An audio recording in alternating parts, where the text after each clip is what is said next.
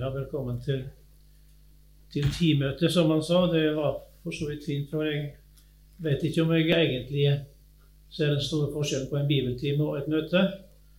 Så da er jeg innafor, kanskje.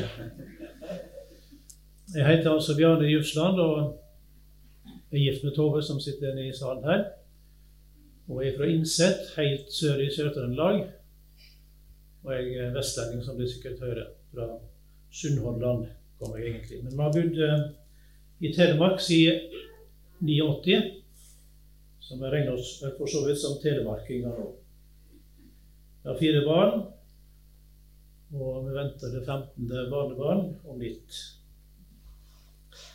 Ellers har jeg jobba som lærer det meste av min yrkeskarriere.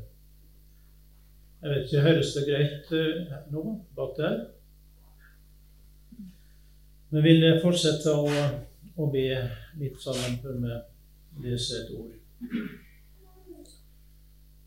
Kjære Herre Jesus, vi ber om det at du vil bryte livsens brød for oss.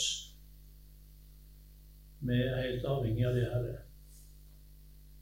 Jeg kan forkynne ditt ord, tale ditt ord og lese det, men din ånd må åpne det for oss. Det må for meg det må den for meg, og det må den for hver eneste av oss. Så ber vi om det nå, nå, Jesus, i denne stund.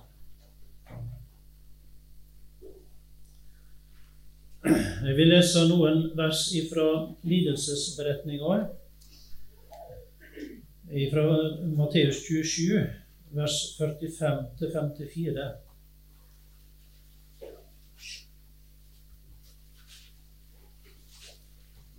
vers 45-54 i Matteus 27.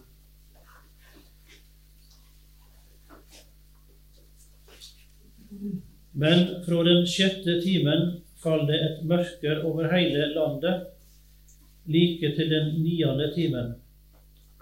Og ved den niende timen ropa Jesus med høy røyst, Eli, Eli, lama sabachthani. Det tyder min Gud, Min Gud, hvorfor har du forlatt meg? Da noen av de som sto der, hørte det, sa de, han roper på Elias.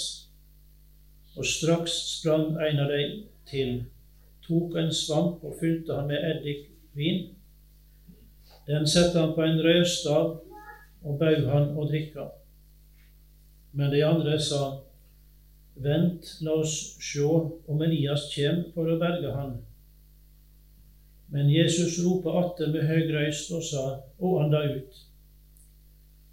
Og sjå, forhenget i tempelet rivna i to ovenfra og ned, og jorda skalv og berga brast. Gravene åpna seg, og mange avlidne heilage sto lekamle opp.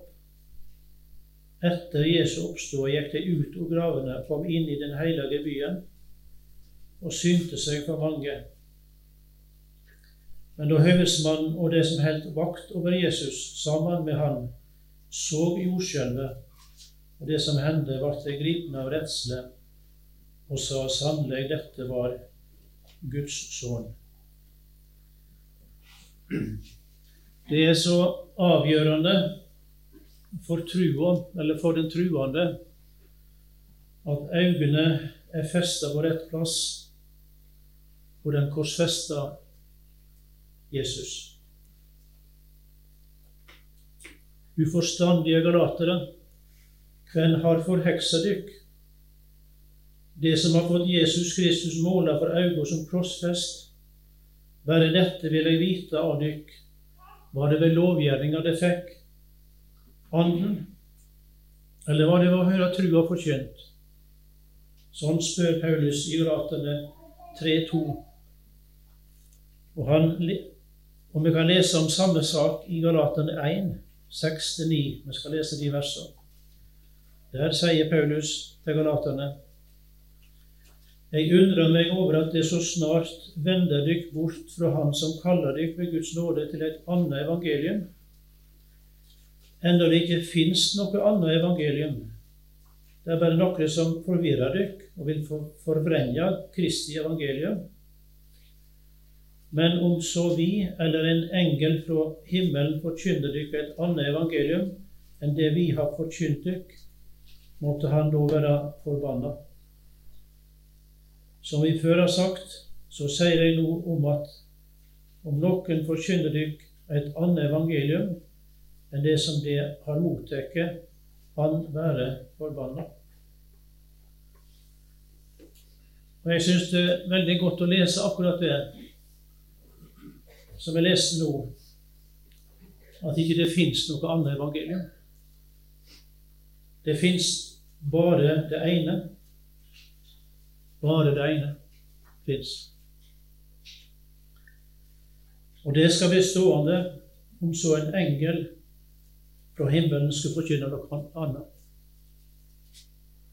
Og det er det evangelium Paulus har mottatt av Jesus direkte han var i øydemarka. Det kan vi lese om i Galaterne 1,12.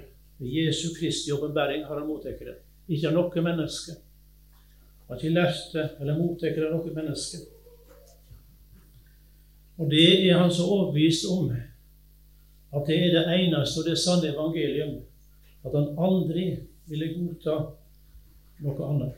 Om det så en engel fra himmelen som kom og forkynte det.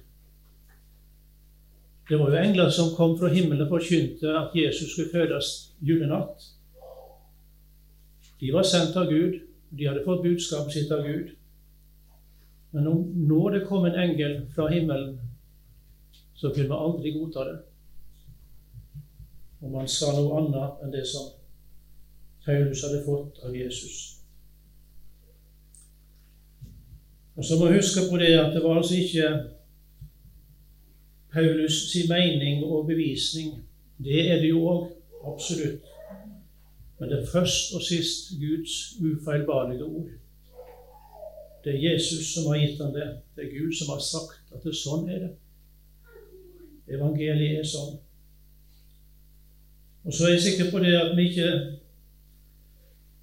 trenger å hovmode oss over Galaterne om vi skulle bli fristet til det. Vi heller. Og det ligger oss så veldig nær å vende oss fra, bort fra Han som kaller oss ved Guds nåde, som det står i 1, kapittel 1, vers 6. Vi vender oss kanskje ikke til et annet evangelium, men vi ser så ofte etter noe å holde fast i hos oss sjøl. Og dermed så vender vi oss bort fra det ene og eneste evangeliet. Og jeg hadde lyst til å, i lys, bl.a. i lys av denne teksten som jeg leste her i Matteus 27, å minne oss og hverandre om hvor frelsesgrunnen er. Hva det er som er vår frimodighet og visshet. At den ikke først og fremst er det jeg kjenner eller føler her inne. Ja, ikke det hele, egentlig la meg si. Men det er det som skjedde på Golgata og i oppstandelsen påskemorgen. Og vi kunne ha tatt mer med òg. Vi kan ta mer med. Og det gjelder hele Jesu liv på jorda. Alt, hele hans liv og hans døde oppstandelse er hans stedfortredergjerning. Og se, det var allting for meg står det i sangen. For menneskesonen er kommet for å leite opp og frelse det som var fortapt, står det i beretninga om Sakkeus i Lukas 1910. Det var det som var det ene store oppdraget han hadde fått av Faderen, slik som det står i Johannes 6, 38-40. For jeg er kommet ned fra himmelen, ikke for å gjøre min vilje, men for å gjøre Hans vilje som har sendt meg. Og dette er Hans vilje som sender meg, at jeg ikke skal miste noe av alt det Han har gitt meg, men reise det opp igjen på den siste dagen. For dette er det Far min vil, at hver den som ser Sønnen og tror på Han, skal ha evig liv. Og jeg skal reise Han opp på den siste dagen. Det er det himmelske overlys over alt Jesu liv og virke på jord. Det var derfor han kom. Og likeens så er det det klare lys og himmelske overlys over alle hans barns liv og virke. Bryllupssalen skal bli full av syndere, av frelste syndere. Og så var det i grunnen det som skjedde ved Jesu korsfestelse og død, som eh, ble litt godt for meg å tenke på, og som jeg fikk dvele litt ved.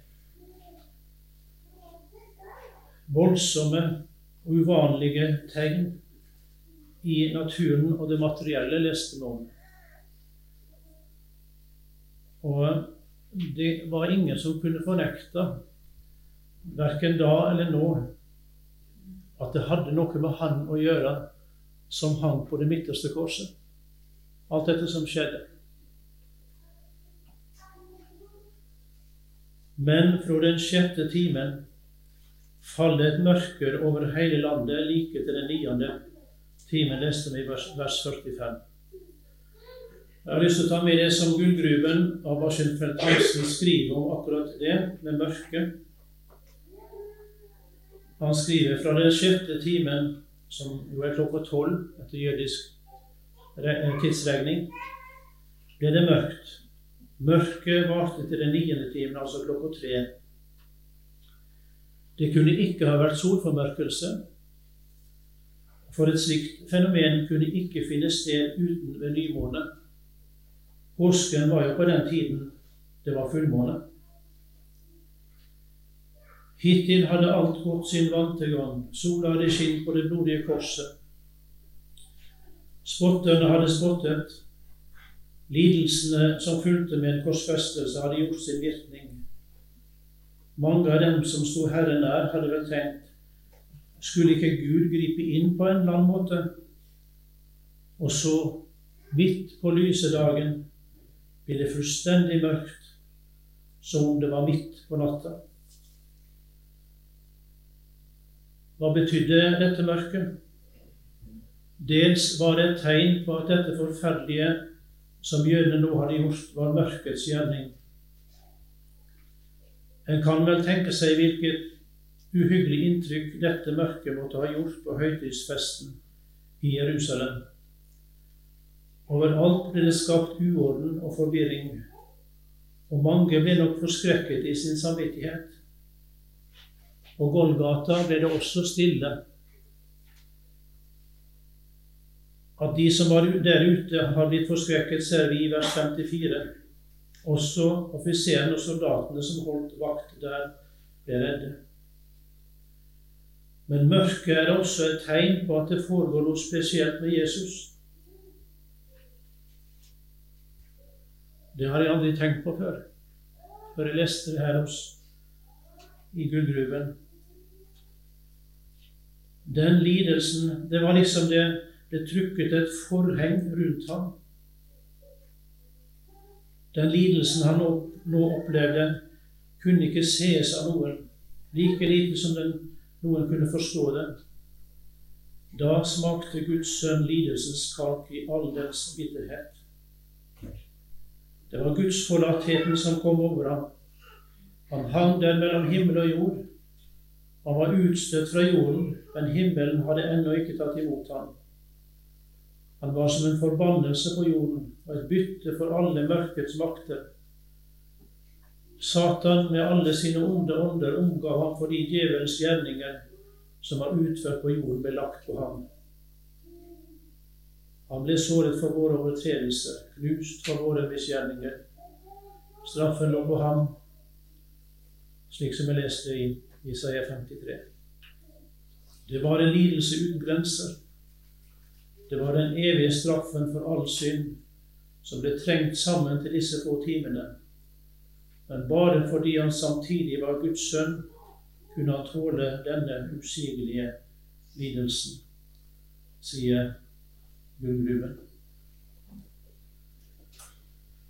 De stegene som Jesus gikk mot Golgata, fra svette som blodstråper og høgt bønnerop og nødskrik i Getsemane til Han som kunne frelse ham fra døden, og videre gjennom hån og spott og hudstryking på veien mot korset. Og så selve korsfestelsen, der naglene skånseløst ble drevne gjennom hender og føtter. De stegene, de kan vi til en viss grad følge. Til en viss grad, om enn bare aldri så lite av, kan vi forstå hva lidelse og smerte det innebar. Men den lidelsen han nå opplevde, kunne ikke ses av noen, like lite som noen kunne forstå den, skrev Aslak Hansen. Og Derfor så måtte Han som har skapt alt, både himmel og jord, mørke og lys, og som holder alt ved lag gjennom naturlovene, han måtte la det falle et mørke over hele landet, som det stod.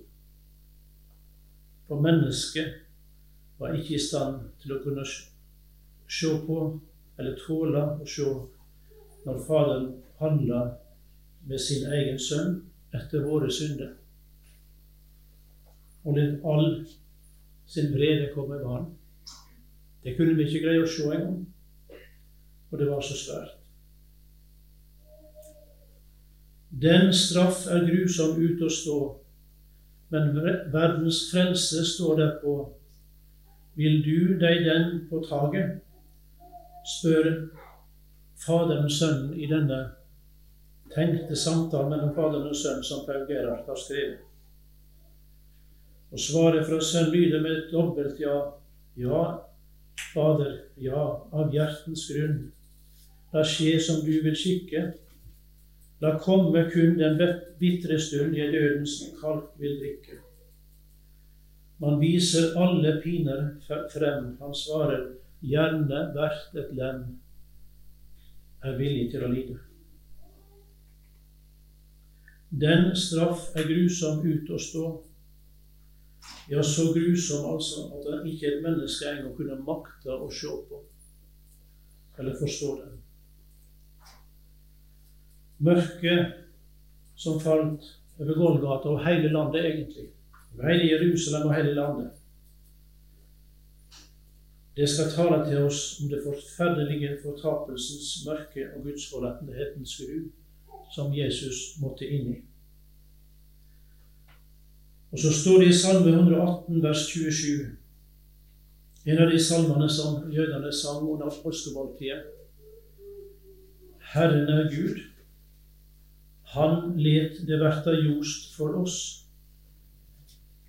Bind høgtidsofferet med reip heilt inntil alterhorna. Det var Jesus, det, som ble bundet med reip heilt inntil alterhorna. Og et par vers lange framme står det dette er dagen som Herren har gjort. La oss fryde oss og glede oss på Han. Så mørkt blei det for Jesus. Og måtte det bli for ham, vår forsoner og frelser, for at det skulle bli lyst for oss. Lyst for oss, og en dag med glede og fryd. Og at jeg kunne min Jesus prise, som jeg av hjertet også gjerne vil. Han som ikke visste av synd, har Gud gjort til synd for oss, så vi skal være rettferdige for Gud i Han. Anriko 15. Faderen knuste sin egen sønn, står det. Ja, det står til og med at det behager han å knuse Jesus. Hvordan kan det gå til? At det behager Faderen å knuse sin eneste sønn, som han elsker så høyt, som hadde behag i. Han hadde behag i. Jo, det forteller oss hvor forferdelig og alvorlig synder er, og hvor hellig Gud er. Han er som en fortærende eld imot all synd, står det. Og derfor måtte synder sones med blod. Og det er med Guds sønns eget blod. Noe annet kunne ikke veie opp og stoppe Guds vrede. Og den måtte, sones ved det at Jesus måtte smake fortapelsens og gudsforlatthetens gru. For de og min skyld og synd. Og for all verdens synd og skyld. Men framfor alt så forteller det som skjedde på Vollgata, om Guds kjærlighet til menneskebarna. Den dommen som var uunngåelig på grunn av de og min syndeskyld, den tok Gud sjøl ved sin sønn Jesus Kristus. For hans kjærlighet kunne ikke holde ut og se at vi skulle gå fortapt, at du skulle gå fortapt. Dommen blir fullbyrda i disse lange og mørke timene på Golgata. Og så er det fullbrakt, eller fullført ved den niende timen, slik som det lyder på Jesu munn i det han andre ut, ifølge Johannes evangeliet 1930. Det var altså her det skjedde, det som skulle til for at jeg og du skulle bli frelst. Og det er så viktig å se det.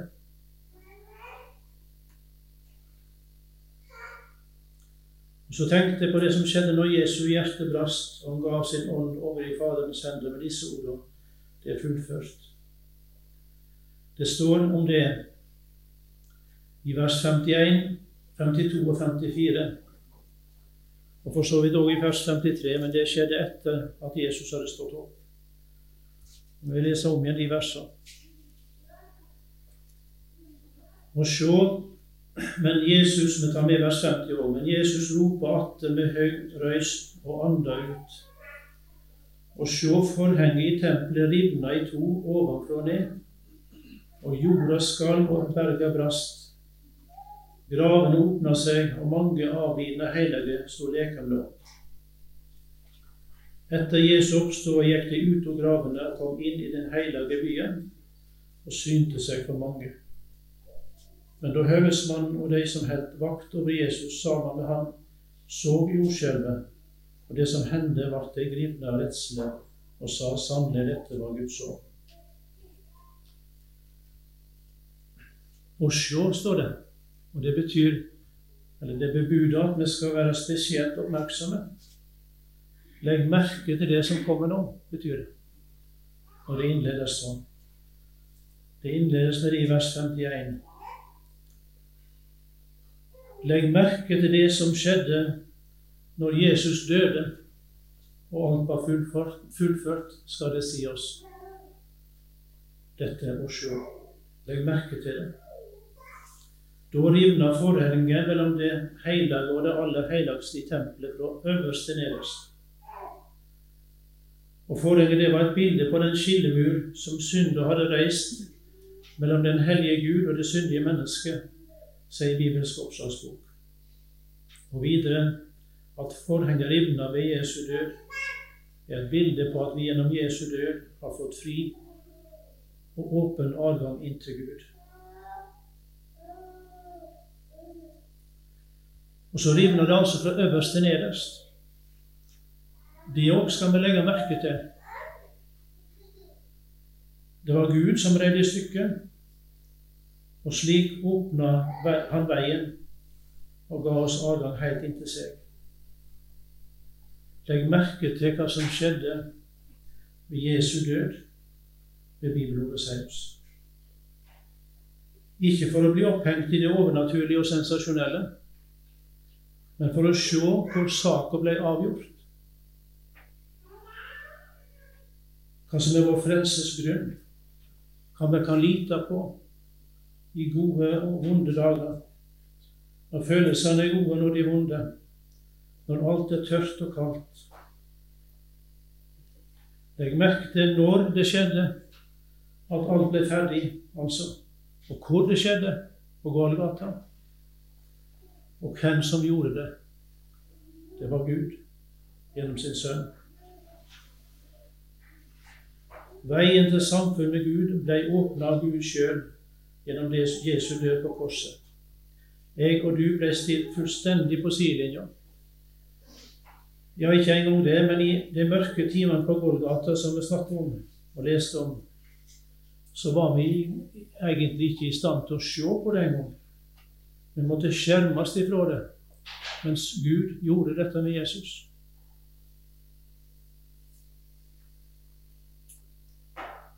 Jeg hørte en forkynner som snakker om hvor nøkternt korsfestelsen og Jesu lidelse blir framstilt i Bibelen. Den blir ikke utbrodert og malt ut for liksom å henvende seg til våre følelser. Han tok som eksempel at det står en plass veldig kort og nøkternt Så korsfesta de han. Så korsfesta de han. For vi skal se på det som skjedde, og bli opptatt med hva det betyr. Hva Gud gjorde på Golgata. Det er det som er det avgjørende, ikke hva vi føler. Det var frelsesvisshet som var tema i den talen. Og han understreker hvor viktig det er å lete på rett plass etter den.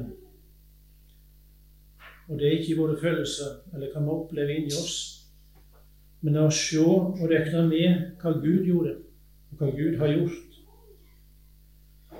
Og Så refererte han til et uttrykk fra Olav Valen Senstad som uh, angående det med følelser og ikke-følelser. Og Det er sikkert noe som noen enhver av oss kjenner til, tror jeg. Iallfall så kjenner jeg til det. Og jeg er sikker på du òg, som er et Guds barn. Og det uttrykket 'å ligge på lur etter seg sjøl'. Å ligge på lur etter seg sjøl. Og det er jo et både artig og treffende uttrykk. Og Det som ligger i det, det er at en stadig tar temperaturen på seg sjøl, så å si. Når en hører forkynnelse, eller når en leser lidelseshistorien, f.eks. Følte det godt nå? Ble jeg rørt? Reagerte jeg rett? Eller var jeg bare kald og likegyldig? Hvordan reagerte jeg? En ligger på lur etter seg sjøl for å se hvordan en hadde det, hvordan en oppfattet det, hvordan det var med ens følelsesliv og en sjøl, egentlig. Og resultatet det er som oftest nedslående og godt, er egentlig det. Og det er ikke der du skal ha din frelsesvisshet. Beskuelsen går innover. Om jeg reagerte rett og kjente meg åndelig osv., i stedet for mot det som står i ordet? Er det det som ble forkynt, det som Gud gjorde for meg på Golgata? Det som Gud regna med? Og, det, og, så er det jo sånn som denne forkynneren gjentok flere ganger. Følelsene mine eller dine betyr absolutt ingenting. Det er ikke fem øre verdt, sa han. Og det er sant. Ikke når det gjelder frelsen. Frelsesverket er like ferdig og like fullkomment om jeg føler det slik eller ikke. For frelsesverket står på egne bein, som han uttrykte det. Det blir ikke forringa, heller ikke for meg eller deg, om vi ingenting føler. Det som skjedde til min og din frelse. Det som skjedde på Golgata, det gjorde Gud. Hvordan det føles, og hvordan det går, barn skal du enda få være. Og Det gjelder òg den kvelden eller på det møtet du ingenting fikk av forkynnelsen. Jeg vet ikke om du har opplevd det. Jeg tror jeg har gjort det noen ganger. Og mange andre de talte om hvor godt det var å høre, hvor rikt det var. De fikk så mye, og så fikk du ingenting. Så kjente du deg dømt. Ja, men det forandrer ikke på det som Gud har gjort det, at ikke du fikk noe. Det står like fullt frelsesverket som Jesus har gjort. så har du kanskje ikke noen dag heller. Og du kan si at evangeliet gikk opp for deg. Det ble liksom ikke plutselig lyst, sånn som andre kan vitne om.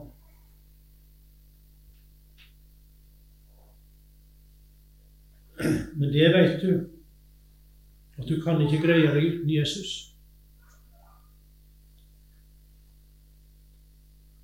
Det vet du. Du henger fast ved Han. Og det står noe i Bibelen om de som henger fast ved Han. Salme 91, vers 14. For han henger fast ved meg, og jeg skal fri han ut. Jeg vil sette han høyt på en trygg Jeg vil sette han trygt på en høy stand, for han kjenner mitt navn, står det. Det står om de som henger fast ved Jesus, ikke kan greie seg uten han. Han skal fri de ut og sette de trygt på en høy stand. Så står det at han kjenner de som tar sin tilflukt til han. Jeg leste i den boka til, nei, til Øyvind Andersen, 'Livets brød', litt nå, for noen dager siden. Og Han sier det hvis du skal se hva tru er for noe, så skal du se dersom det snakkes om tru uten at ordet tru blir nevnt. Så får du se hva tru, rett og sann tru er for noe. Og Da tar han bl.a. fatt i dette med å henge fast ved Jesus og ta sin tilflukt til Jesus. Sånne ting. Det forteller hva trua er.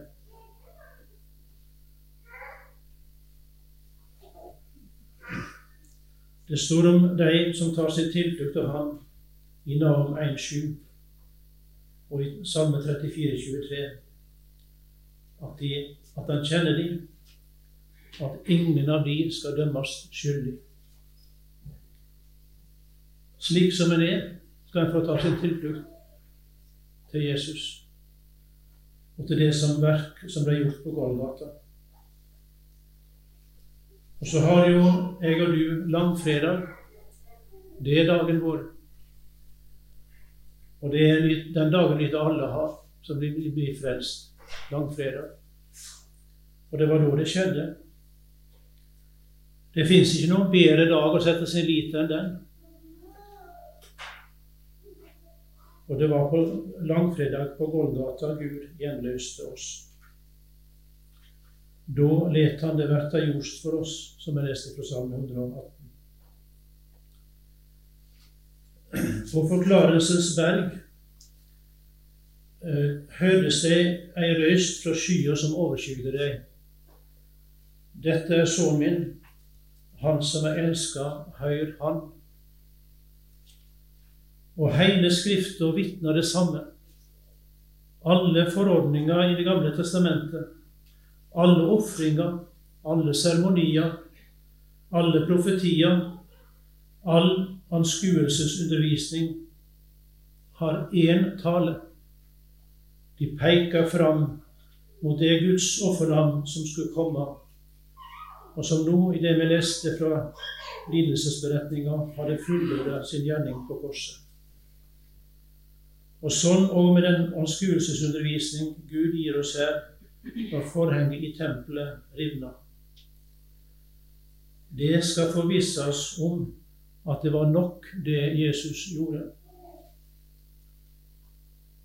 Det er altså ikke ei uvesentlig hending. Ikke noe som vi skal hoppe lett over, eller bare betrakte som noe forunderlig overnaturlig. Nei, det står der for at den redde synderen skal se på det og betrakte det nøye. Høyr Han, hadde Gud sagt.